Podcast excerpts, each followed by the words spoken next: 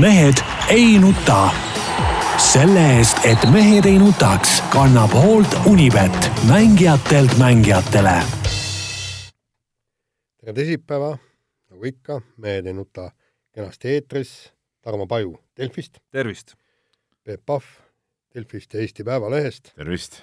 Jaan Martinson Delfist, Eesti Päevalehest ja igalt poolt mujalt. meie jaoks ei ole täna teisipäev, meie jaoks on esmaspäev seetõttu, et Peep homme hommikul alustab oma ränkrasket ja pikka ja väsitavat reisi Sardiiniasse vaatamas taas kord Ott Tänaku rallit ja nagu teada, eks asuvad nagu mõlemad nagu väga uruaugus, nii Sardiinia kui ka Eesti. nii jõuline algus. väga jõuline algus, jah. jah, aga eks ta nii, nii ole, et, et ega sinna ei pääse ju eriti lihtsalt. pead päev, päev varem hakkama liikuma. eks see ralli triangel on nüüd ka nagu tihedaks läinud, et alles eelmine esmaspäev sai tuldud ja, ja nüüd peab uuesti minema ja et, et eks see jah, sõitjatel on see tempo, mis, mis mul see viriseb, sõitjate tempo on päris, päris raju, eks ole. no nemad lendavad juba... business klassis. ei no seda küll, ei no asi ju lendamise on sees, nad juba täna ju tegelevad seal raja kirjutamiste ja asjadega, et, et nende see töötempo on ikka, ikka väga kõrge, õnneks nüüd tuleb eh, natuke pikem paus sisse sarjas, et et need kolm viimast rallit on küll päris üksteise otsas olnud nii, on teil midagi keelel-meelel, Eesti on igal juhul mingisuguse ÜRO äh, asja liige nüüd, äh, kõik hüplevad ja tantsivad ja no see, no see oli üks, see oli üks anekdootlikumaid äh, asju, oli see meie presidendi ja, ja kogu selle kamba mingi hirmus rõõmustamine, nagu oleks tõepoolest midagi suurt võidetud, aga noh, okei okay,, no ma saan aru, tore asi, no diplomaatiliselt jah, me oleme kuskil seal ÜRO ringis ja kui nüüd vaadata nagu, et kes siis seal need mittealalised liikmed on, siis need ongi ju tegelikult ikkagi täiesti tundmatud ja, ja, ja, ja väiksed ja ebaolulised riigid, et, et Nigerid ja mis asjad seal täpselt, on. et, väga hea riik. et noh, Niger ei tohi öelda muide. see nüüd, see nüüd mingisugune nüüd imeasi nüüd küll ei ole, mis seal oleme, et see on mingisugune, et see on, Eesti on nüüd tänu sellele rahvusvaheliselt väga, saab tuntust juurde ja nii edasi, et noh, tegelikult see on ikka paras, paras nali. Äh, mulle... peale selle, mis on veel hullem, eks ole, on ju see see, et seal tuleb ju langetada ka otsuseid ja hääletada ja, ja teha ja ja siin on küll pakutud välja, et noh, kui me ei taha seisukohta võtta, ega me ei pea võtma, aga siis on muidugi eriti mõttekas seal selles äh, olla, kui me ise nagu, nagu ühtegi otsust vastu ei võta, et noh, et, et see on nagu ka nagu totter. ja, ja me peame pooli valima kas äh, USA või Venemaa tihtipuhku no,. see on veel lihtne poolte valimine, aga USA või Euroopa Liit ja, on huvitavam poolte valimise koht. no ütleme, ütleme niimoodi, et, et Venemaa on ikkagi mingil määral äh, sama oluline kui Euroopa Liit, nad on ikka põhimõtteliselt meie naabrid ja, ja mitte midagi Venemaa kuulub ka teadupärast sinna Julgeolekunõukogusse, nii et, et alalise liikmed erinevalt meist, eks ole. aga, aga mul, oota, ma vahepõikeks ütlen veel, et, et mulle meeldis väga äh, Äh, Eesti Päevalehes, ei, äh, vabandust, Õhtulehes oli, oli väike, väike kolumn, kus, äh, kus oli jutuks, et me oleme nüüd tõesti suured ÜRO-s suured tegijad, aga, aga mis nendele vaestele kaevuritele sellest tulu on, kes, kes parasjagu peavad uut töökohta otsima, kusjuures tasuvat töökohta. Ja olete te tähele pannud, kas meie president on nüüd viimastel päevadel peamis-, peaminister käinud seal ja vestelnud nende samade kaevuritega. Ma, ma ei ole seda muidugi näinud, president tegi oma ju nii-öelda mainekujundusliku tripi sinna ära, noh, mis oli ka järjekordne lollus kuubis loomulikult öö, minna sinna Narva, eks ole, no mis, mis see andis, noh et see nüüd, toome rohkem riiki sinna, eks ole, tuleb välja, et kasu polnud siis ju midagi, tead. nüüd on... peaks nagu minema Just... ja, ja rääkima, avaldada kas või moraalset tuge ja ja otsima nagu võimalusi, et kuidas, kuidas olukorda parandada et see on praegune ja, Eesti nagu probleem. prioriteet number üks peaks olema, mitte no, see mingi, mingi naljategu kuskil, kuskil ÜRO-s. Noh. või mis sina, Tarmo, arvad? mina, mina tahtsin tegelikult ühe asja ära mainida, mille, mille ma unustasin ära nädal tagasi lihtsalt, kuigi ta oli hästi värskelt hommikul äh, meeles saatepäeva hommikul, ehk siis kutsuda üles äh, Jüri Ratast ikkagi nagu inimeste sekka tagasi tulema, et äh, kui te mäletate, eelmise nädala Päevalehes ilmus üks täitsa tore intervjuu Jüri Ratasega ja ja kui sa nüüd loed seda, siis jättes üldse välja, praegu ei ole küsimus üldse mingites EKRE-des ja asjades, vaid, vaid nagu üleüldse Jüri Ratas, kui palju ta nagu vastab mingitele küsimustele, siis, siis see õnnestumisprotsent, kui see oleks korvpallis viskeprotsent, oleks ikka nagu päris mannetu värk ausalt öeldes. ma isegi, üks koht jäi nagu eriti eredalt meelde, kõlas küsimus, et kas olete ka suhelnud oma Läti kolleegiga selles osas, et et noh, et nende aktsiiside osas võib-olla midagi nagu nii-öelda nagu koos otsustada, kõlas vastus iga riik teeb oma otsused ise, mõne lähinaabriga olen suhelnud. nii, täpsustav küsimus kõlas, kas ka Lätiga? vastus, ei, Lätiga ei ole. et mis, mis takistab Jüri Ratast kohe vastamast küsimusele, mida küsiti? see on niisugune vestlusstiil nagu. see on nagu, see on nagu kindla, see on nagu kindla viskamine nagu siis äh, lihtsalt hoidmaks, äh, ütleme, valvel ajakirjanikke, et nad ka nii liiga lihtsalt ei saaks nagu vastuseid kätte. täpselt. et sellest peame võib-olla Jürit kiitma. võib-olla kiitma hoopis, jah. no okei okay. Ja ilmselt ta kodus on ka niimoodi, naine küsib, et piima tõid või? ja, ja, ja siis räägib, et, et ma, ma tõin väga mitmeid toiduaineid ja, ja ja tõi, tõin nii üht kui teist. aga kas sa piima tõid? ei toonud väga lihtne. nii. nii, kuule, aga lähme spordiga edasi ja alustame jalgpallist ja Eesti jalgpallikoondis siis pidas äh, EM-valikmängu Põhja-Iirimaaga. kõik oli niivõrd vinge kuni teise poolaja peaaegu lõpuni. üks-null Eesti ohtis, Kostja muide Konstantin Vassiljevi väga vingest väravast ja siis kolme minutiga vajus kõik kokku nagu kehvalt äh, küpsetatud suflee või midagi säärast. nojah wow., aga see suflee oligi nagu, suflee kokkuvajumine oli nagu suhteliselt ette teada tegelikult ju. sa tõesti uskusid, et Eesti hoiab ära selle või no,? mina küll ei usku, ma ütlen ausalt, no lihtsalt võistkondade tasemevahe on nii kõrge ja, ja sellest piisas neil ju teha see väike lõik ja, ja oli, oli korras, noh et need väravad sündisid ju ikkagi sellega, et tasemelt mängiti ju meie kaitsjad üle puhtalt. no jaa, aga meie ja, kaitsjad olid väsinud. ja need ka, juhtusid no. just, just jaa, need, need juhtusid ka sellisel ajal, kus no siis hakkavadki juhtuma tavaliselt. hakkavadki asjad nagu juhtuma. no aga tehke nüüd mulle palun selgeks, kui me ei ole tehniliselt head, kui me ei ole taktikaliselt head, mis keelab ja takistab meil füüsiliselt mitte olemas samal tasemel see on puhas treening. see on aeroobne, anaeroobne treening. sa nüüd oma plaadi nüüd korraks nagu ja. maha võtad sealt, eks ole. sa saad ise ka aru, et koondis ei puutu siin asjasse, ega koondis ei, ei valmista ette mängijaid eh, füüsilise vastupidavusele. absoluutselt. et see on nii see klubid, kus nad ise mängivad ja, ja, ja sealt hakkab kõik pihta, et kui kui palju ja kuidas need klubid on oma ettevalmistust teinud lihtsalt. ja, ja, ja kusjuures mitte, mitte ma ja, ei ütleks, et nagu praegused kellele sa nüüd selle etteheite tegid siis? Äh, see ei ole isegi mitte praegused klubid, vaid see on noortesüsteemi asi. sest sealt pannakse ju tegelikult põhi alla. füüsiline põhi hakkab ju sealt peale. no nii palju saab seal muidugi veel äh, natukene visata ka võib-olla treeneri kapsaaeda, et, et kui me vaatame, siis vastastel olid otsustajad lõpuks mehed, kes tulid värskete jalgadega vahetusest ja kes äh, kes, kes ju nagu sisuliselt ei teinud kuidagi taktikaliselt, ei mänginud meid üle nendes olukordades. lihtsalt äh, jooksurammuga mindi ju mööda meie mängijatest. aga individuaalsed oskused ikkagi. jah, et äh, üks mees, kes lõi teravust nii-öelda ja teine mees, kes veel enam-vähem läks siis õige koha peale ka, et, et need väravad nagu ära vormistada. et, äh, et võib-olla oleks pidanud äh, nende vahetuste peale ikkagi meil ka mõned värskemad jalad seal vastas olema. no jaa, kui sa vaata, kui sul on, sul on teatud äh, kaardipakk nii-öelda, sa tead nende kaartide tugevust, siis äh, siis sa ikkagi loodad, eh, kui sa tead, et iga vahetus teeb nagu näiteks seda võistkonda nagu nõrgemaks tegelikult, et siis sa loodad selle peale, et need eh, väsinud jalad on ka ikkagi paremad kui need eh, nii-öelda tasemelt nõrgem mängija puhanud jalad ja, ja, ja nii ongi, noh, et ega sellise vahetuse tegemine ei ole, ei ole kindlasti lihtne, et ma siin nagu, nagu Martin Reimi nüüd otseselt süüdistada küll ei, ei tahaks nagu selles, et pigem on küsimus selles, et meie koondis, koondise see kiht või, või see tasemekiht ongi nii õhuke paraku.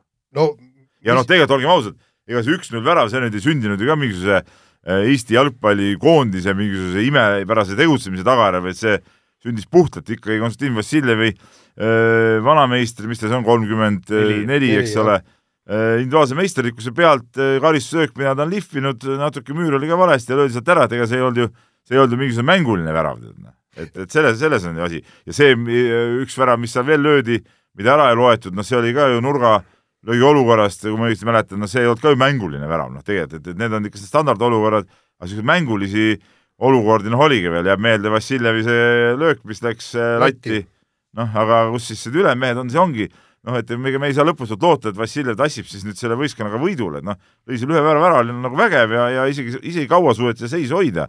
ma ei usku, et nad nii kaua hoiavad aga iirlased väga rahulikult ju tegutsesid ja lõpuks nad olid ise ka kindlad, et nad võtavad selle ära, no see oli näha nende olekust. nii, ma, ma panen ikkagi vana mantra peale, eks, et üks asi on kolme, kolmekümne nelja aastane Vassiljev, kes tõesti mängis väga-väga hea mängu. teine asi, meie hea kolleeg David Serp kirjutas äh, äh kommentaari Ragnar Klavani, kes on kolmkümmend viis, eks, on vist kolmkümmend viis? no ühesõnaga sama, samas kandis, kaitseks ütles kolmkümmend kolm, jah, võib-olla oli kolmkümmend kolm nii kaitseks, et noh, et, et tõesti, tal on vaja vigastusi ravida ja kõik ja seal poetas ära, et, et tegelikult ega see Eesti kaotus tuligi suuresti sellest, et meil ei olnud Klaavanit. kui oleks Klaavan seal keskkaitsest olnud, noh, ma arvan, et ühe olukorda oleks ikkagi ära pühkinud, kõik nii.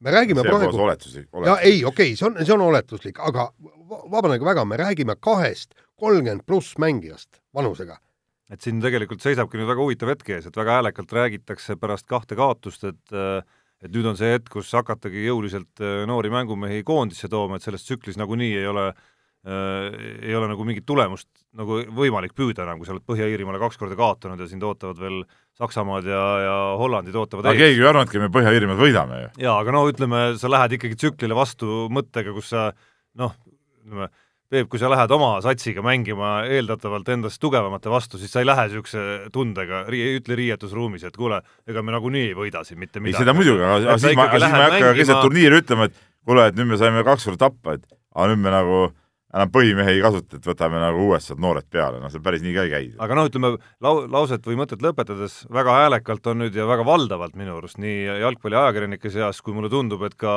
koondise juhtide seas on nüüd võtnud maad see teadmine, et okei okay,, hakkame nüüd nooremaid mängumehi jõulisemalt sisse tooma. see on täielik jama, ma ütlen. aga no selles suhtes on täielik jama, et meiesugusel koondisel, kus on neid natukegi tasemel mängijaid on niivõrd vähe, siis me ei saa teha niimoodi, et noh, nüüd nii, kolmkümmend viis välja koondisest. no mis on probleem, on see, et sa ei saa minna, sa ei saa minna Saksamaa vastu mingisuguse ma ei tea, A miinus koondisega. no muidugi. Noh. me nägime Kossu pealt, mis juhtus, kui, kui nagu valesti hakata neid nii-öelda sissetoomisi tegema ja jalgpalli erisus antud juhul on see, et neid, keda sisse tuua, aga eriti ei olegi no,. ikkagi, olgem ausad, Eesti liiga mehed ikkagi põhimõtteliselt. no muidugi. kusjuures jutt ju ei käi tegelikult vanusest, jutt, jutt käib ikkagi selle mänguoskustest kui noor ei vea välja, siis järelikult teda ei saa lasta platsile. ei no minu arust peab mängima koondises, meiesuguse riigikoondises peab mängima just need, kes on sel hetkel kõige paremad. olemata on ta nelikümmend või kaheksateist, seal ei ole mingit vahet. kes parajasti on parim, see peab mängima ja, ja me peamegi nii seda võistkonda näinud, me ei saa niimoodi, noh nüüd me hakkame siin mingite vendadega tegema. Jaan, sa ise täna me rääkisime hommikul äh, ka mitu aastat on Eesti jalgpalli arendatud, see alates ütleme üheksakümnendate algusest, eks ole. noh, kogu aeg on räägitud mingit perspektiividest, mingit, kuidas ehitame seda süsteemi, Aivar Pohlak on ajanud ju kogu aeg mingit puru silma, eks ole, selle, selle jutuga. aga mis tulemus on, mitte midagi pole ju. mingit tulemust pole, nüüd oleme olukorras, kus meil pole, pole äh, üldse nagu mängijat praktiliselt ju ja põhi, ja põhimõtteliselt siis, kui jalgpalli absoluutselt ei arendatud, ehk siis Nõukogude, Nõukogude Liidu ajal meil tuli ikkagi Mart Poomid, Kristalid, Reimid, Reimid, Kallasted. Stepnerid omal ajal seal. jah, täpselt, need tulid, eks. ja nüüd, kui meeletult no ärge nüüd liiga hoogsaks ka minge, et ega see mitte arendatud põlvkond, keda te nüüd kiidate, kui siis ühel hetkel oli võimalik eh, mängida, mängima hakata Eesti lippude värvides, siis ega seda taset ei olnud siiski. ei no aga nagu praegugi. ei no aga nagu kehvem ka ei olnud ju. no kehvem ka ei olnud. no ütleme praegusest jah, vahepeal on olnud mõned paremad ajad. no mõned, aga no kas see on nüüd siis see aga see on üks suuri müstikaid. kas, kas see on nüüd siis tõesti see ma ei tea, kahekümne viie, kuue, seitsme aasta tööviljem meil vahepeal on olnud paremad ajad, me korraks saime sinna play-off'i. see on üks suuri müstikaid ja ma ütlen ausalt, antud juhul siis lugejana endiselt ootan seda, seda analüüsi, mis kuidagi vastab ära nendele küsimustele, et, et, et, et kus see viga on olnud ikkagi. sellist nagu suuremat neljal lehekülg, lehel leheküljel ilmuvat analüüsi, et, et mis asi see on siis ikkagi?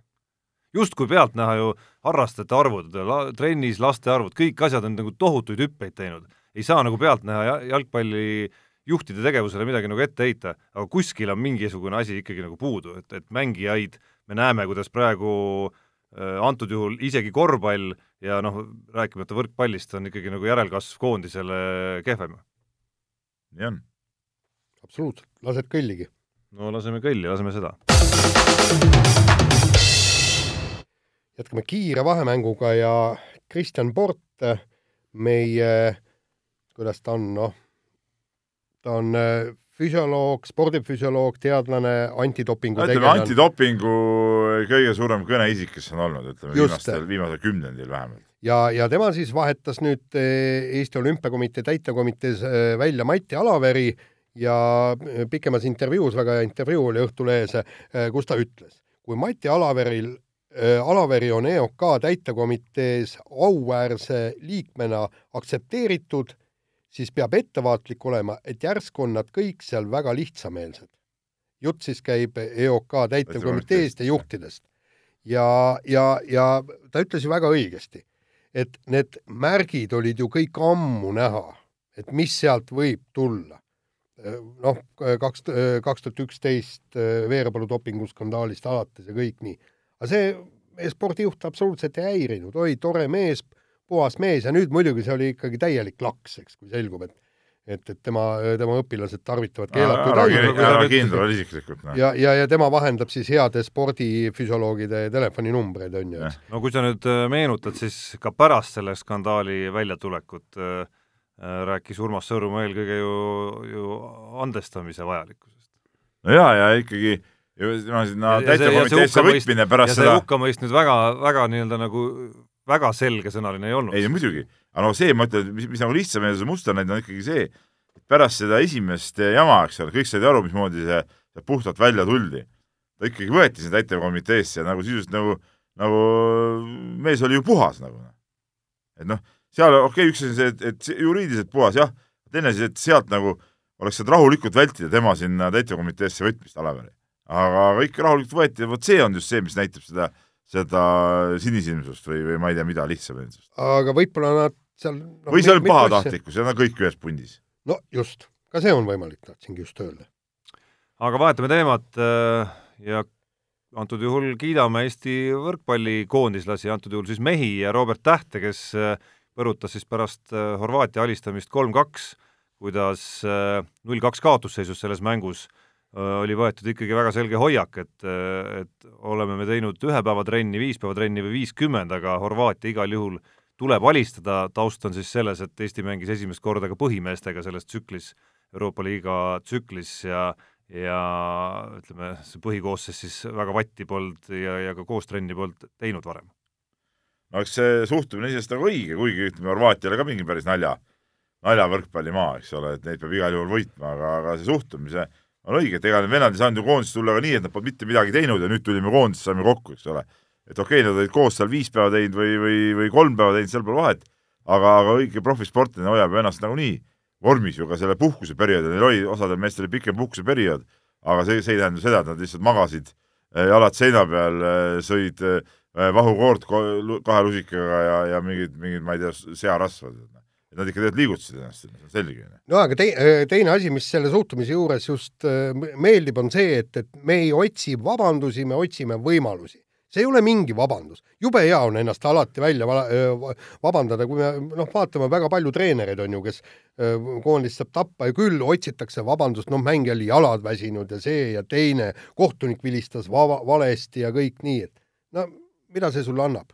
Kas, ka, kas see teeb su kaotuse aktsepteeritavaks või? ei tee. ei, absoluutselt muidugi.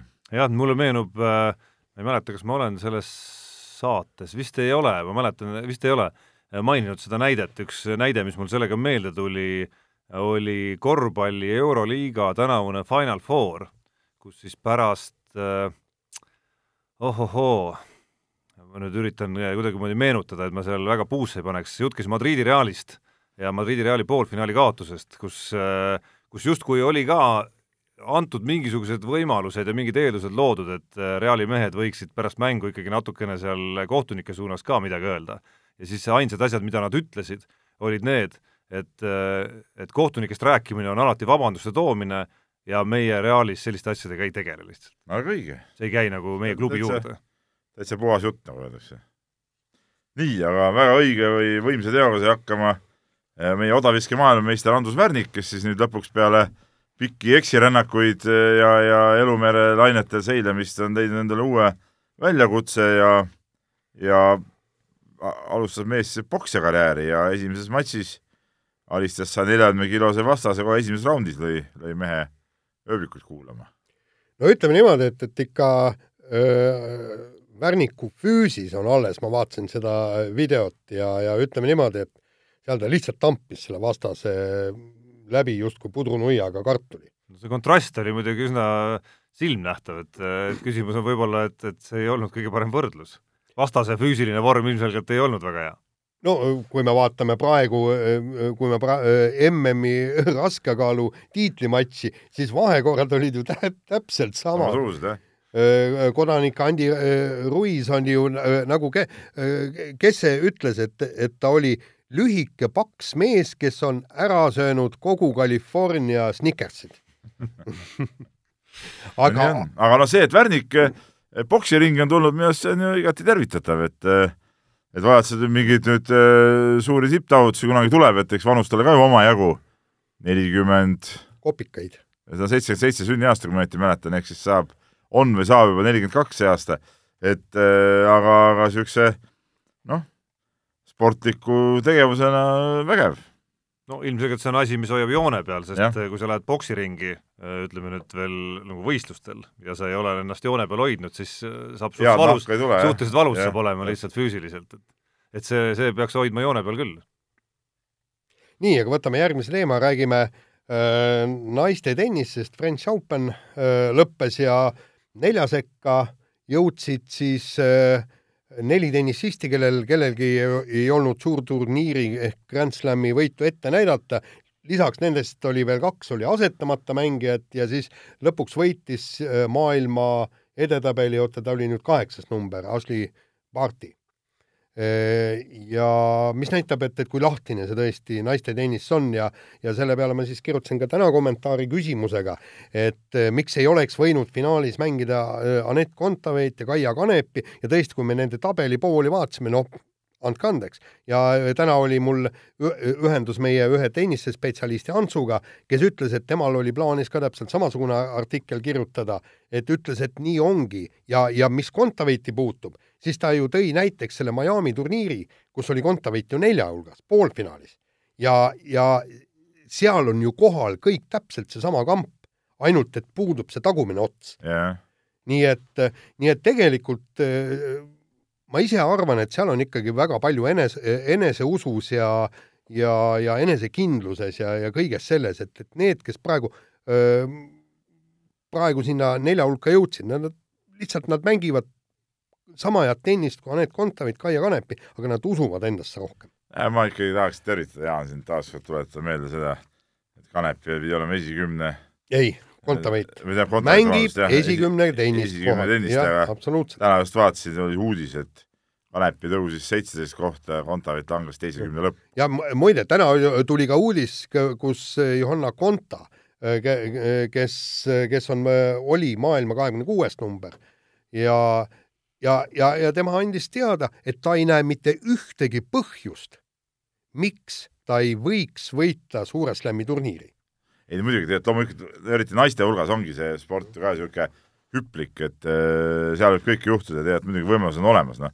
seda ka siin need lätlannade võidud ju, või lätlanna võit ju, ju näitas, eks ole. okei okay,, Läti tennisistid ei ole lätlanna muidugi. jah, lihtsalt kuskil on see koer ja kuskil on selle koera saba alati, et kui Kaia Kanepi jaoks on see äh, saba alati tulnud kuskil äh, Suure Slami turniiri veerandfinaalides ette, eks, siis ilmselgelt äh, on need asjad, mis otsustavad äh,, et kellest saavad need tennisistid ja me ei räägi siin üksikutest, vaid nagu sa, Jaan, täna kirjutasid, äh, me räägime siin ju kümnetest tegelikult sellistest mängijatest, kes võib-olla oma taseme järgi ja ütleme, meeste tennises äh, ei jõuakski elu sees sellisele tasemele Suure Slami turniiri finaalidesse või poolfinaalidesse, aga naiste konkurentsis ikkagi jõuavad. et, et on ühed mängijad, kes jõuavad ja on teised, kes ikkagi kuskil hetkel jäävad pidama. mõnes mõttes see naiste võistlus ongi võrra huvitav, et ega meestes on ju ühed samad vennad ju seal suur, suure slam'i turniiridel no me jõuame sellest ka rääkida, aga minu arust see on Aga nagu teistmoodi ei, põnev ei, ei, see on, see ongi mõnes mõttes muidugi põnev, aga, aga ma ütlen, et et see just, et naistel on see ettearvamatus, on selle turniiri nagu võtmesõnasid ja, ja see, et et meie naised on ka kindlasti selles pundis, kes selle ettearvamatuse võivad nagu organiseerida, aga noh, paraku elu on näidanud, et, et, et neil ei tule see välja siiamaani. Äh, ja sujuvalt üle minnes siis kiire vahemängu lõpetuseks viimegi jutu meeste tennise peale, ehk siis Rafael Nadal võitis oma kaheteistkümnenda Prantsusmaa lahtiste tiitli, kaotas turniiri peale kaks setti, ühe neist siis finaalis ja, ja noh, mis sa oskad öelda, kuigi ma ei tea, ütleme liiva peal see kõik tundus nagu ei midagi sellist, mis paneks isegi nagu kulmu kergitama. no ütleme niimoodi, et, et Dominic Thiem, maailma neljas tennisist, tal ei ole mitte mingisugust võimalust Rafael Nadali vastu, kaksteist äh, tiitlit Prantsusmaal ja, ja, ja sa vaatad ja imetled seda vanameistri mängu. kui viimseni see on välja lihvitud ja, ja kui pagana hästi ta mängib äh, nooremate kolleegide vastu ja, ja ma, ma tahaks näha, kui kaua see kõik kestab. aasta, kaks, kolm, neli. kuigi, kuigi näete, Novak Djokovic sai Tjemilt pähe ikkagi poolfinaalis, nii et, et need suured, kolm suurt, Federer, vahepeal ta ei võitnud ju üldse midagi, nüüd on viimasel ajal ka üht-teist ikkagi mõne Grand Slami kätte saanud, et nemad hakkavad ka ju lõpuks vanaks jääma. hakkavadki ja neil on nii palju neid võite ka juba, et, et noh, tegelikult oleks ka aega mingit muutust, eks no aga kas sa tahad, ütle, kas sa tahad, tahad neid muutusi? ma, ma ükskord hakkasin mõtlema, eks, et, et kes on nagu suured isiksused, suured tennissistid. selles ma, ma saan aru, mis, kuhu sa siin, loomulikult peale nende kolme ei ole mitte midagi, tühi maa. just. täiesti no, tühi oli maa. mingi väike hetk, kus Andy Murray ka natukene no, aga pole nagu korraks tahtis mingit nelikut tekitada sellest, aga Jah. no see lõppes üsna, üsna kiiresti ära ikkagi. aga, aga jutt ei käi isegi võib-olla sellest nii-öelda sellest äh, üleolekust ja domineerimisest ja kõik, aga just sellest karismaatilisusest, kui kunagi olid ikka suured tennissistid. jaa, aga see karisma on minu arust ka selline asi, Jaan, et see noh, ma arvan, et seal tagapool on neid küll, neid karismaga mehi, aga see õige karisma saab seda külge siis, kui on kümme Grand Slami tiitlit ka. jaa, aga see ei ole, vaata, vaata, kui sa võtad praegu sama see naiste, naiste järgi, sa ütled, et karismaga mängijaid on küll, eks ole. aga ikka siiamaani mõtled, et küll Steffi Graf ja need olid ikka, ikka võimsad seal, Heninid ja, ja Kim Kleistersid ja vot need olid nagu, nagu, nagu mängivad, neid sa kõiki tead. tunned no, iga Williamsi tead no, samamoodi. no, no Williamsid ka veel, no ütleme, nemad on ka see vana põlvkonna omad. aga neid praeguseid, mis nendest ei tea nagu midagi õieti tead, näh no see, see, see ei ole nagu see, need Haalepid ja need ei ole, see võrreldavadki ei ole nende omaaegsete tippmängijatega. No, mine vahe... sinna Navratilova ja, ja nende aega tagasi veel tead, noh, võtame Eestisse omal ajal kõik need Beckerid ja, ja, ja värgid, tead, mida sa imetled, Priit Sampras, kui, kui kes ja. oli igavuskuubi see Sampras oma olemuselt, aga ikkagi ta oli nende paljude praeguste kõikide nende esikümne suvaliste vendadega võrres oli ta ikkagi nagu ju, ju särav inimene. just, ja, ja kui sa võtad praegu need praegused vennad, eks, Federer, sa ükstapuha, kes talle vastu tuleb, sa oled ikka Federeri pool no,. sellepärast, et ta on suur mängija ja, ja sa ei taha tema kaotust. no ta ei ole mitte ainult suur mängija, vaid, vaid ta on ka vist suur no, inimene. pakun üks sümpaatsemaid nagu spordikuulsusi üldse kogu maailmas, on ju. kusjuures see ei ole üldse midagi halba konkurentide suhtes, sest, sest ka Nadal on tegelikult väga lahe tüüp näiteks.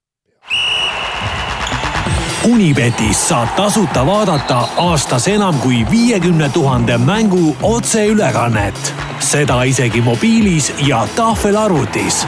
Unibet, mängijatelt mängijatele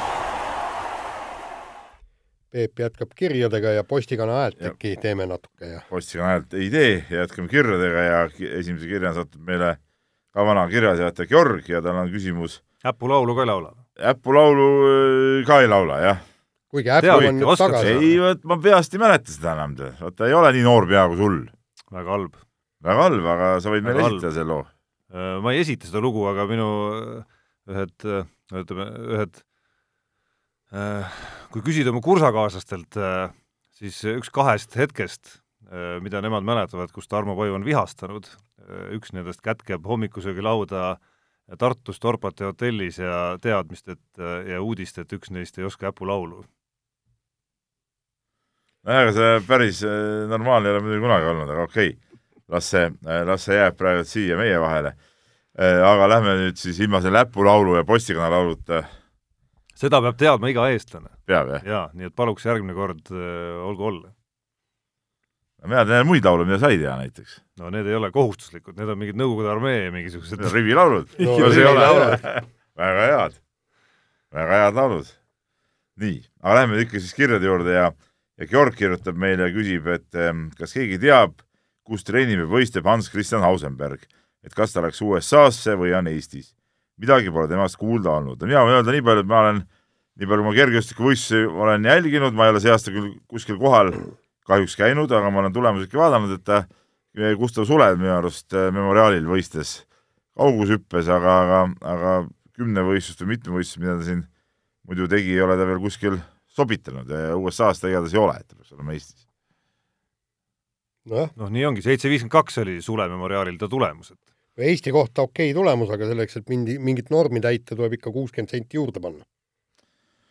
nagu no ja nagu meil tuleb jutuks siin varsti kümnevõistlus, siis ega need äh, ütleme, need jooned Hausenbergi-suguse noore kümnevõistleja jaoks äh, Eestis aetakse ikka üsna kõrgeks, et kui sa tahad kümnevõistleja olla sellise klassiga kümnevõistleja, kes on pidevalt äh, suurvõistlustel tiirlev mees, siis lähiaastatel see latt on päris päris kõrge. kõrge. et on Kui... olnud aegu, kus siin teed napilt kaheksa tuhat ära ja oled juba nagu selline nagu tippkergejõustiklane, hetkel ei ole selline aeg. kuigi Ausenbergist on ju kogu aeg räägitud kui, kui äh, sellisest, kuidas me laps, lapsgeeniusest ja tuleviku tähest, eks ole, aga nüüd viimastel aastatel on nagu välja tulnud, et see noh, kõik seal noorpõlve see niisugune äh, ootus ei ole nagu päris äh, tegelikkusele vastanud. nii, aga kirja kirjutas meile Rene, Rene kirjutas meile koguni kaks kirja ja, ja kiri siis lähtus äh, sellest, et äh, oli siis kuulus jalgpalli rahvuste liiga finaalturniir nelja võistkonna vahel ja, ja kõigepealt siis ta finaalmängu ajal vist kirjutas, kui ma õieti mäletan, või, või oli see pärast, ma pean isegi prillid eest ära võtma, see on peeniksis kirjas millegipärast. ja ta kirjutab meile, et kas oskate lihtsurelikult ära seletada, mis asi on rahvuste liiga jalgpallis? saan aru, et tegu on nelja meeskonna turniiriga ja tšempioni, tšempion tiim saab karika ja veits miljoneid. Aga miks sellist turniiri vaja on? no siin ta siin toob siin näiteid, et et Šveits ja Portugal ja kes siin mispärast nagu tahtis seda ja siis natuke aega läks mööda, tuli uus kiri ja ta kirjutab nii, tere taas, ma nüüd veidi guugeldasin ja midagi sai nagu selgemaks, aga siiski ei mõista, miks see viiskümmend viis, viiekümne viie Euroopa riigi meeskonna turniir vajalik on, selle asemel, et mängijatel niigi tihedal hooajal mõni lisapuhkusenädal võimaldada. heideldakse, ei saagi aru, mille nimel. No põhimõtteliselt muidugi Renel on muidugi õigus. no nii ja naa, selles mõttes, et tegelikult see oli täitsa kui mõttetu. koondise aknad on äh, olemas, siis äh, ütleme, kui seda ei oleks, siis mängitakse sõprusmänge üldjoontes. aga mis see on, see on ju, see on ju see sari, mis tekkis sõprusmängude asemele. ei, ma saan aru, ei, ma, ei, ma tean väga hästi, miks, miks siis on tal õigus mitte tulla, nagu alati on tal õigus mitte tulla ka valikmängule. no ja, ja, aga, selles aga, mõttes aga nagu, aga aga see sari, see lihtsalt, vaata, kuna neid sarju on niigi palju, seal ei ole mingit väärtust. noh. No miks ta ei ole, isegi need äh, kõige äpumad riigid võivad ju saada nojah, see on EM-finaalturniirile, teine asi ja nemad mängisid oma selle nimel, aga noh, kas sa nüüd nägid, et mingit ülevoolavat äh, emotsiooni seal eile või? kindlasti oli seda emotsiooni rohkem kui, kui see, kui Portugal oleks Hollandit alistanud niisama sõprusmängus. et selles mõttes nagu midagi ju ära ei võetud, tehti lihtsalt äh, nendest sõprusmängude aknast vähe selline nagu ägedam jaa, aga see tähendab sisuliselt seda, et me ei saa sõprusmänge pidada nendega, kellega me tahame, me peame mängima ikkagi selle mingi formaadi järgi. noh. noh, teisest küljest võib-olla lihtsustab jällegi omasugustega sõprusmängude paikapanemist. no ma ei tea, minu arust see on ikka suht, ma olen väga nõustun Renega, et see on suhteliselt äh, äh, mõttetu asi. nii, Valdo Randpere kirjutas meile täna hommikul, et nagu saaks nagu Jaani ka siin ikka nagu udjada ja ta võttis ar- siis arutluse alla Jaani esmaspäevase Päevalehe artikli, et miks Kaia Kanep ei mänginud Prantsusmaa lahtise finaalis. Jaani arvates on põhjuseks vähene enesekindlus ja eneseusk, kuid tsiteerides Peep Pahvi ohoh, ohoh, see kõlab Jaan väga eksib- halvaendeliselt Jaan eksib nagu alati ja loomulikult Jaan eksis nagu alati. tegelik põhjus oli see, et Kaia oli finaali ajal minu juures kodus, mitte minu siis, vaid Valdo Randpere juures loomulikult, ega saanud seetõttu ollagi Pariisis. vot nii, vaatasime koos telekast finaali ja hiljem tegi Kaia Wimbledoni, Wimbledoniks valmistumiseks trenni kunstmurul. vot nii. ja muuseas, täna nüüd. mis selle mõte nüüd oli? Äh, see, et äh, Jaan eksis, noh, et ta oli nagu, ei olnud mitte seepärast, et ta oli vähe eneseusku, vaid ta polnudki üldse Pariisis. aa, see oli oli juba Randpere juures book itud oli ära, pukitud ära. juba, et Jaa. läheb sinna ja siis mina saan küll niimoodi aru, et asja point oli ju see, et ta sai äh, valmistuda kunstmurul Wimbledoniks. no ja Wimbledoni tiitel on märksa tähtsam kui Prantsuse rahvas. Wimbledon on üldse kõikide turniiride nagu, nagu ema. No, Ja isa ka. Ja isa ka. Nii, jaa. et selles suhtes Jaan loomulikult eksis, noh. et kuidas see sinusugune nii- nii-öelda tennisespetsialist ikka ju plaani ei, ei, näe ei, ei nagu ei tajunud seda, seda pilti. jah, pikka pilti ja pikka jah. plaani jah no no,. puude Aga taga rääkisid- metsa sa ei näe. sest Ei et näe. äh, tegi seal oma asjad ära, nii, jõudis neljandasse ringi, nii nüüd ahah, homme on trenn hoopis ja ei no Valdo juures on kohtumine. ja, ja, ja, ja trenn, seal Valdol on spetsiaalne kunstmuru väljak, eks ole, kus teha, nii, lõpetan siin praegult ära jutud, panen sinna, hakkan valmistuma Wimbledoniks, nii, ja nüüd vaatame, kui nüüd Wimbledon õnnestub ja võidab, on kõik hästi, kui ei õnnestu ja ei võida, no siis me teame, kes on süüdi. Valdo Randpere, väga õige. nii, aga lähme siis muude teemade juurde edasi. vaene Valdo Randpere, ta heas usus saatis kirja ja nüüd ja nüüd tõmbasid No, Peep niisuguse vee no peale. mis teha, ja siit läheb, kui, kui Kaia nüüd ei võida äh, Wimbledonis, siis ma kahtlustan, et äh, ütleme üks seitsekümmend üheksa häält vast järgmistel valimistel Valdol on vähem, vähemalt. no vot, valimist nii palju aega, et ma ei tea, kas selleks hetkeks no seda oleks mäletab, värsked valimised tulemas, siis see Ja number siis oleks oleks kindlasti 7000 kaks tuhat seitsesada üheksakümmend, aga antud juhul, kuna ununeb ära ikkagi uuteks valimisteks, siis seitsekümmend üheksa. nii, aga edasi.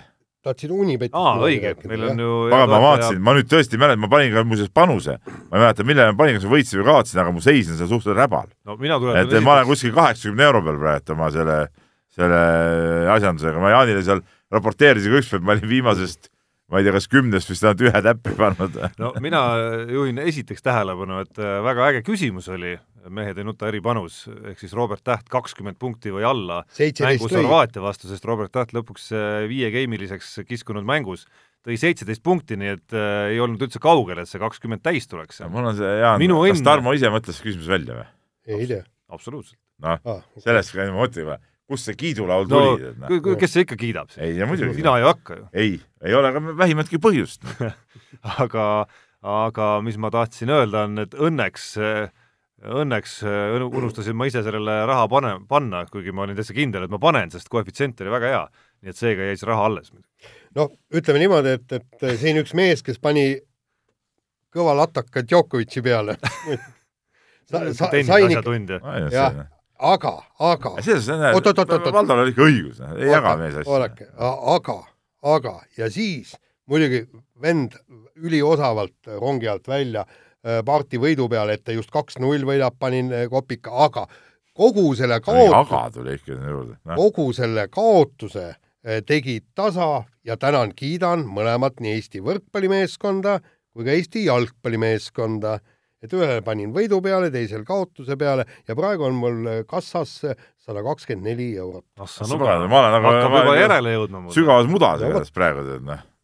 peab midagi ette võtma. peab hoidmistaktika ära lõpetama, rohkem panuseid panema hakkama. Tuleb Ei, õiget või, või, või siiski ei ma räägin, ootama mul. viimasest kümnest üks on täppi läinud ainult. no siin on nagu ta, küsimus on taktikas praegu, kas oodata, Jaan tundub, et on nagu ja praegu varsti paneb, läheme uljaks, paneme mingi sada, paneme mingi asja peale, hävib muidugi. aga uue nädala eriküsimus, Mehed ei nuta eriküsimus Unibetis on tulemas äh, äh, saate eetris oleku aja järgi siis täna õhtul toimuvast äh, Saksamaa ja Eesti jalgpallikohtumisest on võimalik kolme koma viiese võimendatud koefitsiendiga panna raha sellele, et Eesti lööb värava Saksamaale. see on, see peaks puha rumal olema, kes seda paneb ju. no miks, äkki kuus-null seisu pealt? aa ei, kus kuule, Kostja, Kostja keerutab. Saksamaa on ikka Saksamaa. no jaa, aga Kostja keerutab. no seal Saksa, sakslased on ikka asjadega rohkem kursis kui iirlased. iirlased kuskil oma saare peal, need ei tea nagu öödega mütsi, mis toimub, aga Saksa ikkagi on põline Euroopa riik, nemad ikka teavad. Pigem ma kahtlustan, et äh, sakslastel pole mingit põhjust teada üldse mingeid Eesti jalgpallureid. põhjaiirlased võib-olla ei võta nii iseenesestmõistetavalt äh, Eestimaa alistamist No ja siis võib, võib keegi üllatada äkki. no mine sa tea, äkki paneb, vaatab. nii, teemadega edasi. teemadega edasi ja Kristjan Ilves, meie kuulus kahevõistleja, ühines Norra koondisega. hakkab treenima öö, Norra koondisega koos, võistlustel käib. Viimast lihvi talle ei anta, ta ei saa, suuskadele ei panda just sedasama nii-öelda tema suusapõhju ei lihvita öö, spetslihviga, siis ta ei saa meditsiini kasutada ja kombinesoonid peab ta ise materjalid tooma, kui need õmmeldakse, sest norralastel on jällegi kõik see saladused olemas. Ja ütleme, kui need kolm komponenti pa- öö, kokku panna, ma pakun välja viisteist kuni kakskümmend sekundit öö, läheb igal juhul kaduma, aga mind noh. just, huvitas, kui ma lugesin, Jaan, seda artiklit, mis sa Kristjan Ilvese Norra koondisse siirdumisest äh, kirjutasid, et kas see viisteist sekundit, mis sa nüüd nende pealt äh, umbes kirjutasid, kas see oli nüüd sinu pakkumine või ei, see oli Jaani pakkumine, või- sest ma ei, Tarmo, ma olin äh,, sa mulle rääkisid, loetas need ette, eks ma oleks ole. just tahtnud rääkima hakata sellest, et, et, et jube huvitavalt on nagu välja arvutatud. ei, ei, ma, mina pakkusin selle Kristjan Ilvesele välja ja tema ütles, vastas, et nii ongi. et, et ta nõustus sellega. ta vastas jah ja siis Jaan formuleeris selle. ei, no ja sealt ma kaotan siis nii palju, nii palju, ütles Ilves. ei, ei, noh, tegelikult umbes nii võib ma, ma arvan, et aga eks ta oma tõetera muidugi Jaani jutus seekord siin sees, ma ei taha seda tunnistada, aga see tõetera on sees, aga mis, minu arust see nagu laiemalt tegelikult, üks asi on jah see, mis ta saab või ei saa, aga aga eks see natuke kummaline värk on see mingi teise riigi koondise juurde minek, et ma saan aru, et Kristjan Ilvese jaoks loomulikult arenguks absoluutselt, absoluutselt õige, aga ma nagu ei mõista hästi Norra koondise nagu pointi ikkagi, et võtta mingi teise riigi mees enda sinna koondise juurde, et noh, koondis peaks olema ikka koondis, noh, nende riigimehed ja kes seal on ja ongi kõik. no praktika ei ole ju mingi midagi ebatavalist, kas Aski Alusalu läheb vist ka Norra koondise juurde, jah? ja, ja, no, ja, ja, ja tema, tema on ka teiste siis äh, treenis ju äh, Martin Liiv, meie teine kiiruisutaja, teenis ka vist äkki oli Poola koondise juures või, või, või tõesti ei mäleta, see, see on tavapärane jaa, see on nagu minu, minu jaoks see nagu kummaline nagu. ei no aga, aga noh, üks, ühest küljest see on heategevuslik projekt kuigi äh, meie osapool maksab raha, aga mitte teab, mis palju, eks. Äh, teine asi, vot miks ma kahe no, norrakad raha pärast vaevalt seda teevad. jaa, vaevalt, tähendab, Kristjan Ilves ütles ka, et vaadates seda eelarvet, et see on ühe pulgakommi raha, Norra koondise eelarvet vaadates, et see, mis tema sisse toob. aga seal on teine küsimus, on see, et, et tegelikult on see kahevõistluse olukord suusamaailmas on ääretult räbal, sellepärast et see, see väga ei huvita mitte kedagi Äh, möllavad lihtsalt praegusel hetkel äh, kolm, kolm riiki, Saksamaa, Austria, Norra ja, ja kui sa aitad nagu Eesti ka sinna äh, üles, siis vaadatakse, et noh, et kandepind võiks olla laiem. et see on üks võimalus. ja teine, mis, mis, mis tegelikult mina arvan, et ja jällegi Kristjan Ilves sellega ka nõustus, et, et kõik need andmed, mis ta läbi aastate on siia kogunud, kõik need testitulemused ja treeningplaanid ja kõik need, need ta sattis norralastele ja see on norralaste jaoks omaette väärtus. tähendab, nad loevad sealt kindlasti rohkem välja, kui me üldse aimatagi oskame. et, et nad näevad sealt meie treeningmetoodikat kõik. aga mis neil on, nad nimetasid kolm valgusaastat ees, mis neil meie metoodikast? ei no nad, nad saavad viia see, seda ka, Anatolis Migun oli ju treener, nagu sa mäletad. aga tulemust see, see ei andnud? ei ei an-, noh, võib-olla midagi andis, eks, aga sealt ta näeb Anatolis Meguni metoodika ära ju. kindlasti ta ju treenis Kristjan ei, ei, ma saan olla mingi konkreetse nagu tüübi kohta, kui me räägime Kristjan Ilvesest, neid kahevõistlejaid tüüpe on ju hästi palju, eks. et võib-olla selle, selle, selle tüüpi mehe kohta saavad mingi, mingit teadmist võib-olla näiteks juurde, kui teoreetiliselt nagu arutada seal. ja kolmas asi on muidugi see, et, et Kristjan Ilves ka hüppab hästi ja, ja, ja ta võib olla seal hüppemäel konkurendiks norralastele, eks, et noh see on ka ei no ma saan aru, kõige rohkem nagu... kasu ikka Kristjan Ilves ise sellest. tal no, on nagu väga raske näha seal mingisugust nagu äh, kahjumlikku osa seal, eriti, eriti tema karjääri praeguses faasis, kus võib-olla olekski vaja mingisugust uh, muutust ja mingit arusaamist uh,, mismoodi nüüd edasi minna ikkagi. no ütleme niimoodi, eks me, eks me saame näha, kui sa lähed ikka nooralastega trenni tegema ja kui vennad panevad sinust mööda paremalt ja vasakult, kui sa oled siiamaani ju treeninud praktiliselt oma vennaga, eks koos ja, ja siis noh, seal, seal ei ole mingit võrdlusmomenti olnud. aga see võib ikka masti maha lüüa äkki. no huvitav saab olema see, et mismoodi see, ütleme, sa justkui oled koondises norrakatega koos, aga justkui nagu ei ole ka, et kui sa võtad, oled treener ja võtad oma õpilase seal, norralase, noh, siis sa vajadusel piitsutad teda kas või, kas või nagu nii-öelda nõrkimise ääreni, on ju, et kas Kristjan Ilvesel on siis kuidagi äh, varem võimalik öelda, et okei okay,, kuule, ära jama, mulle nüüd aitab praegu sisetunde järgi. et kui lõpuni, kui lõpuni oma õpilane ta seal on. No, näe, ei, ei ta on, vähemalt treener ütles, et minu kohustus ja minu ülesanne on vii-, või viia ta võimalikult tippu. et selge, et ühel hetkel, kui ta peaks sinna tipule lähemale jõudma, siis ilmselt on keeruline jätkata selles süsteemis jällegi, kui ta ühel hetkel hakkab norrakatega päriselt esikohtade pärast konkureerima. no jah siis võib-olla küll jah, aga noh, ütleme niimoodi, et, et see on ikka nii kauge tulevik, et sinna on ikka nii pikk maa. aga vahetame teemat, pikk maa justkui teoorias peaks kindlasti olema ka Johannes Ermil maailma kümnevõistluse tippu, kuhu Johannes Ermi pärast eelmise nädala ägedat tulemust, kaheksa tuhat kolmesada viitekümmet kahte punkti, päris paljud asjatundjad hakkasid juba, juba nagu paika panema et tulevane Erki Noole rekordimurdja ja mida kõike veel. maailmarekordi murdja. mulle, mulle jääb niisugune mulje, nagu meil mingi ja, Jaani viirus oleks äh, lahti pääsenud, et noh, hakati ju täitsa hullu juttu ajama, et, et noh, väga võimas oleks, kui Johannes Erm suudaks kõik need asjad ära teha, aga ma oleks küll nagu ettevaatlik alati selliste meeletute avaldustega ja hakata nüüd niisuguste punktisummade pealt nüüd tuletama siin, ma ei tea, Eesti rekordeid ja maailmarekordeid, et noh, see on nagu ilmselgelt nagu ennatlik, et, et aga, aga mis mis puudutab seda tulemust, siis jah väga,, väga-väga võimas ja vägev võistlus, väga hästi tehtud. kahekümne ühe aastane noormees. ja ei, ma saan aru jah, aga äh, Andrei Nazarov tegi peaaegu sama vanad, peaaegu samasuguse tulemuse, nii, kus see maailmarekord jäi siis? no just äh,, Mikk Pahapill oli ka ju noore mehena päris, päris head tulemused ja. tulid noh, ütleme niimoodi, areng jäi seisma seal. Äh, Rahnu samamoodi oli suhteliselt noorena ikkagi nagu üleval, et, et ma ütlen, et noh, need asjad ei ole, ei ole nii lihtsad ja, ja, ja kindlasti siit nüüd ütleme, tea, Erki Noole rekordini on, on, veel valgusaasta minna. no siin tasub meenutada, kui raskelt Erki Nool ise selle rekordini jõudis tegelikult, et kui palju läks Erki Noolel aega, olles tegelikult ju isiklike rekordite kogusummade järgi äh, ikkagi nagu noh, ikka väga kõrgel tasemel kümnevõistleja, kui palju läks tal aega selleks, et siis nagu enam-vähem oma võimetekohane kümnevõistlus ka praktikas need kümme ala nagu kokku panna. et see, selleks pidi ta ikka nagu sinna läks nii kaua aega, et tundus, et seda ei tulegi. jaa, aga, aga, aga mis tema pluss on ikkagi, ERMi pluss on see, et, et tal on kiirus olemas, Erki Nooleli kiirus on olemas, sada on hea, nelisada, eks, kahekümne ühe aastaselt paneb nelikümmend seitse kopikaid, on ju, eks. kaugus, seitse üheksakümmend kaheksa, nagu keegi seal kirjutas, et tema võib olla ka see, kes Erki Noole Eesti kaugushüpperekordi üle läheb.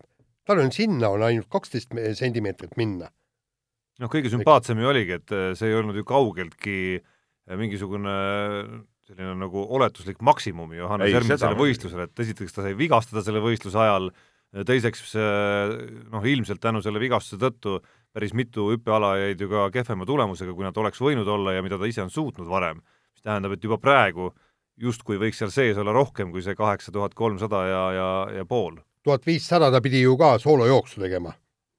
See, seegi on teine asi on see, et jälle, jälle ei maksa unustada muidugi need USA võistlused on jälle natuke teistsugused äh, võistlused kui, kui tippjõuproovid oma selle ajakava ja selle poolest ja on kindlasti mugavamad tegelikult läbida, kui, kui ütleme, see pika päeva peal laiali arutatud äh, tiitlivõistlus, et üks asi on jah, teha seal USA-s see äge tulemus ära, teine asi on äh, proovida midagi sama lähedastki teha suurvõistlus, seda on ju need näited olnud, kõik need uibad ja kõik, kui nad on tulnud nagu päris võistlusele on see level on kõvasti langenud, sealt on hakatud uuesti siis nagu üles, üles ronima, et, et, et äh, see on huvitav jah, kuidas aga siin tekib, mul, mul oli üks küsimus, millest ma ikkagi aru ei saanud. ERM nüüd kavatseb minna U kakskümmend kolm Euroopa meistrivõistlustele ja jätta MM-i vahele. vot see on minu arust ka mingi ajuvabadus, mis, mis tähtsust on mingi U kahekümne kolme just, täpselt. EM-il, kui sa oled tuled isegi kullale, noh, kui, kuigi seal on, ütleme niimoodi, et keegi, keegi talle seda kulda ei kingi ja noh, okei okay,, medali ta praeguse tulemusega jaa, aga sellel ei ole mitte mingit väärtust mitte võrreldes midagi. sellega, et sa oled MM-il. täpselt, tähendab, ühesõnaga, MM toimub ju kus kohas? Äh, Dohas. Dohas, just, et seal on ekstreemsed tingimused, täpselt see, sellised, nagu on aasta pärast olümpial. olümpiale ta kavatseb minna sa saad seal MM-il teha nagu selle nii-öelda olümpia eelproovi ära ekstreemsetes tingimustes ja samasuguse seltskonnaga.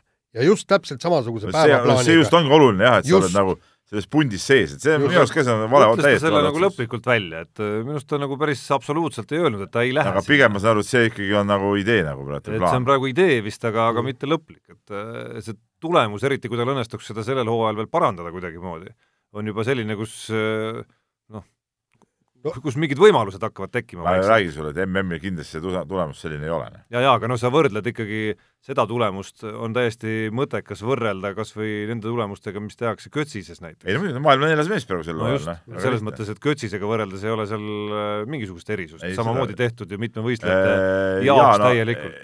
jaa, ei seda muidugi jah, jah, täpselt nii ongi.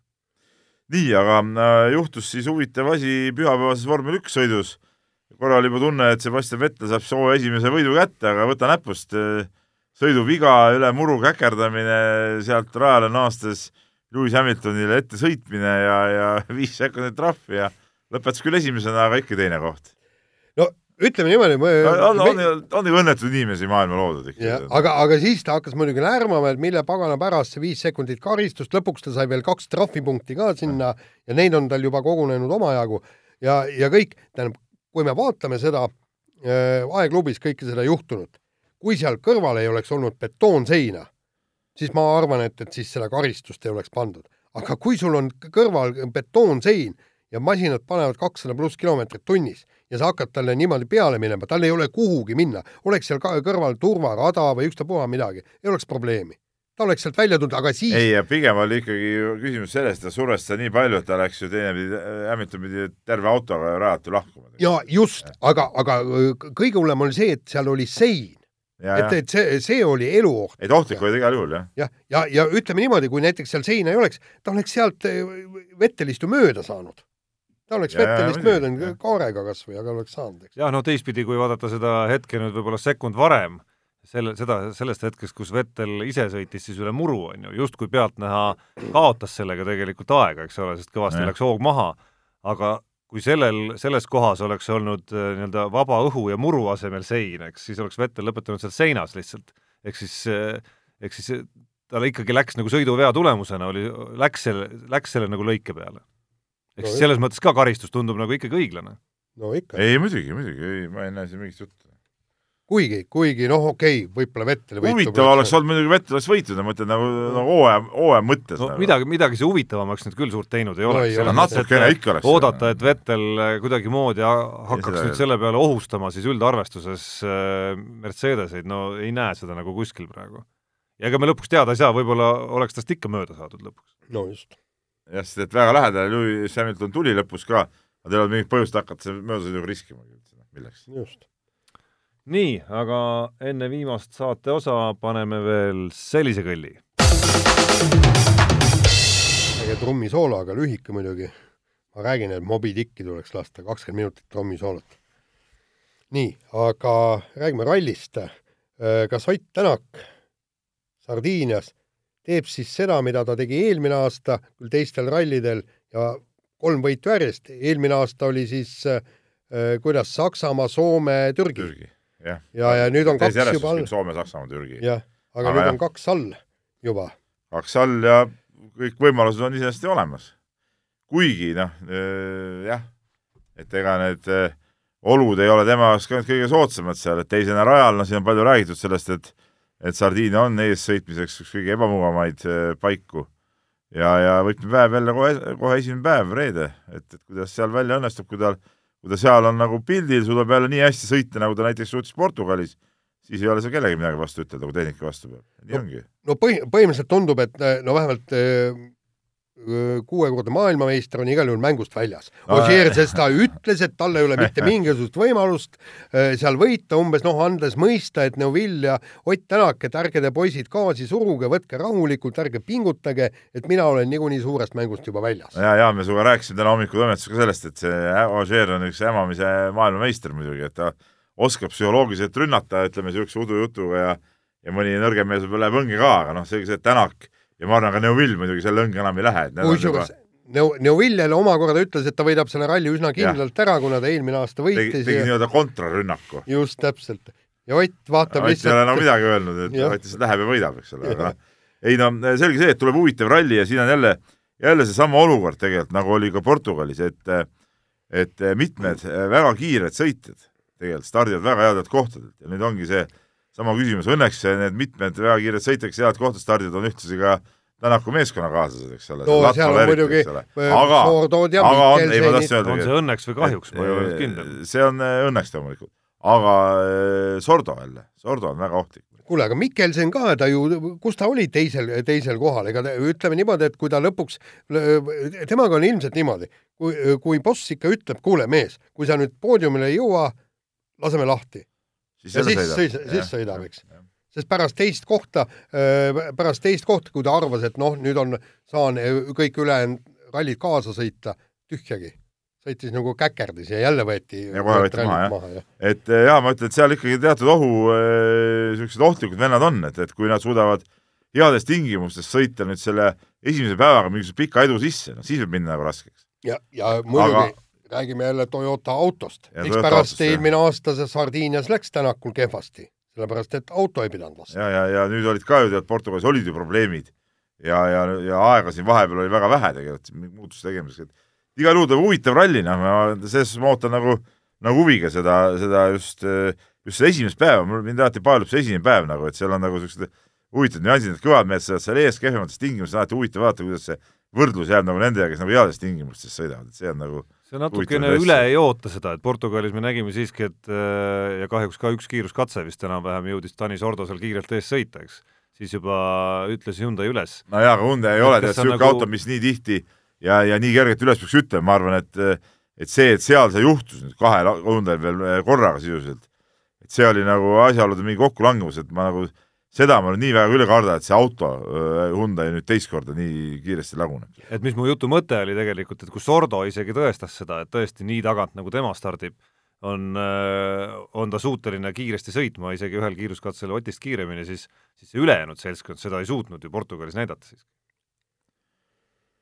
nojah, ei no ei no Latvala oli ju ka väga kiire. Latvala, Latvala oli ka kiire, aga Latvala hea kiirus ongi nagu äh, see nagu ei sega täna. ei, ma ütlen heal juhul mingi maani, mingil het-, mingi hetkeni, eks ole, aga ka mitte nagu niimoodi, et nad äkitselt on kogu sellest suurest kolmikust äh,, ma ei tea, poole minutiga ees. aga noh, Neuvill, Neuvillil on ikkagi selles suhtes nende Ožee ja ja Tänaku võrreldes kõige parem positsioon, no okei okay,, ta on küll kolmas seal, aga ikkagi seal iga selle autoga läheb ju asi ju paremaks. aga, aga ei Neuvillil ega Ožeel ega ühelgi teisel ei ole ju taskus, tagataskus seda kõige kõvemat trumpi, Peep Pahvi mitu rallit järjest sa oled võiduga naasnud? viis. no näete. on see nüüd, äh, see läheb kahtlaseks muidugi, Peep. Läheb jah? no selles mõttes, et no ühel hetkel see ei ole võimalik, et see lõpuni jätkub ju. ei, ei, täna just jälle me Jaaniga töö juures alati huvitavad diskussioonid ja arutelud, arutasime, et põhimõtteliselt oleme nõus ka rallivaatleja Evansiga, eks ole, et äh, võib lõpuni välja panna täna kõik võidud sel hooajal. aga miks ka mitte. ütle üks põhjus, miks ta ei võiks võita kõik rallid. no rallisport. no mis see on, see on. Äh, Tarmo, äh, tähendab äh, sulle, sa, sa oled koolis käinud, eks, ja oled võib-olla matemaatikat õppinud. kui sa viskad münti ja kuus või seitse või kaheksa korda tuleb kull, milline, kumb on suurem tõenäosus, et nüüd tuleb kiri? Äh, tõenäosus sellest ei muutu siiski, iga kord on viiskümmend, viiskümmend. ei ole, muide, vot si-, ei, stopp.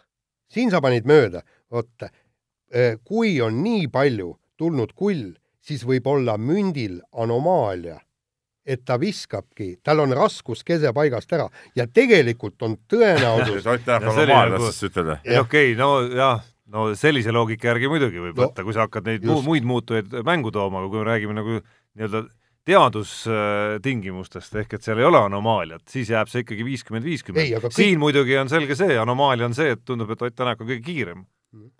jah, aga, aga muide, kõik asjad on maailmas viiskümmend, viiskümmend. milline võimalus on, et Wimbledoni äh, finaalis mängivad Kanep ja Kontaveit? võimalus on viiskümmend, viiskümmend, kas mängivad või ei, või ei mängi, väga lihtne äh,. see võimalus. tipp on alati, tipp on alati ühe äh, sama terav. jah, just tipukonkurents alati võidab sama terav, eks ole, olgu see nüüd, võtame ala, kus osaleb äh, ma ei tea, neli äh, väga kõvat tegijat või nelikümmend, see tipp on täpselt ühesugune sealt terav alati. jah, aga nüüd see mündi teravuse juurde tagasiminek ja ma usun, et siin mingid ütleme, rohkem ülikoolis käinud ja eriti veel reaalaineid õppinud inimesed hoiavad peast kinni juba, kui kuulevad, kuidas asjaarmastajad siin mingit jama suust ei, välja ajavad. meie räägime asja, asjad tegelikult käivad. selle mündi sellisest nagu ümaramast servast räägid, siis eh, kahjuks Ott Tänaku puhul on see mündi ümaram serv kuskil nagu olemas ka. üks neist on positiivsem, see on tema enda kiirus ja teine on siis see, et Toyota kipub lagunema ikkagi. see ümarserv on seal olemas. see ei seganud tal eelmisel rallil või eelmist rallit võitmas, see lagunemine. jah, küll aga segas, eh, kui sa nüüd eh, mõned rallid kaugemale lähed, kus Jaan kohal käis ah segas, segas, segas, ei no vaata, seal tee nüüd omad järeldused, noh, sa tõid ise Jaani siia sisse praegu. ma ei tahtnud vanale mehele nagu tuska teha, noh. aga noh, nii on noh nii on, midagi pole parata. nii, aga järgmine nädal kuulake meie saadet, siis me teame. me oleme jälle õigel ajal eetris. õigel ajal eetris. otse-eetris. ja teame, kas. see on väga oluline mulle ja Jaanile, mitte Tarmole. jah, ja siis, siis näeme, kas Tänak ja Peep Pahv saabusid võiduga Sardiiniast või ei saabunud. viiskümmend, viiskümmend. number siis kuus. nii. kõik. järgmisel nädalal näeme. mehed ei nuta saate tõi sinuni Unibet, mängijatelt mängijatele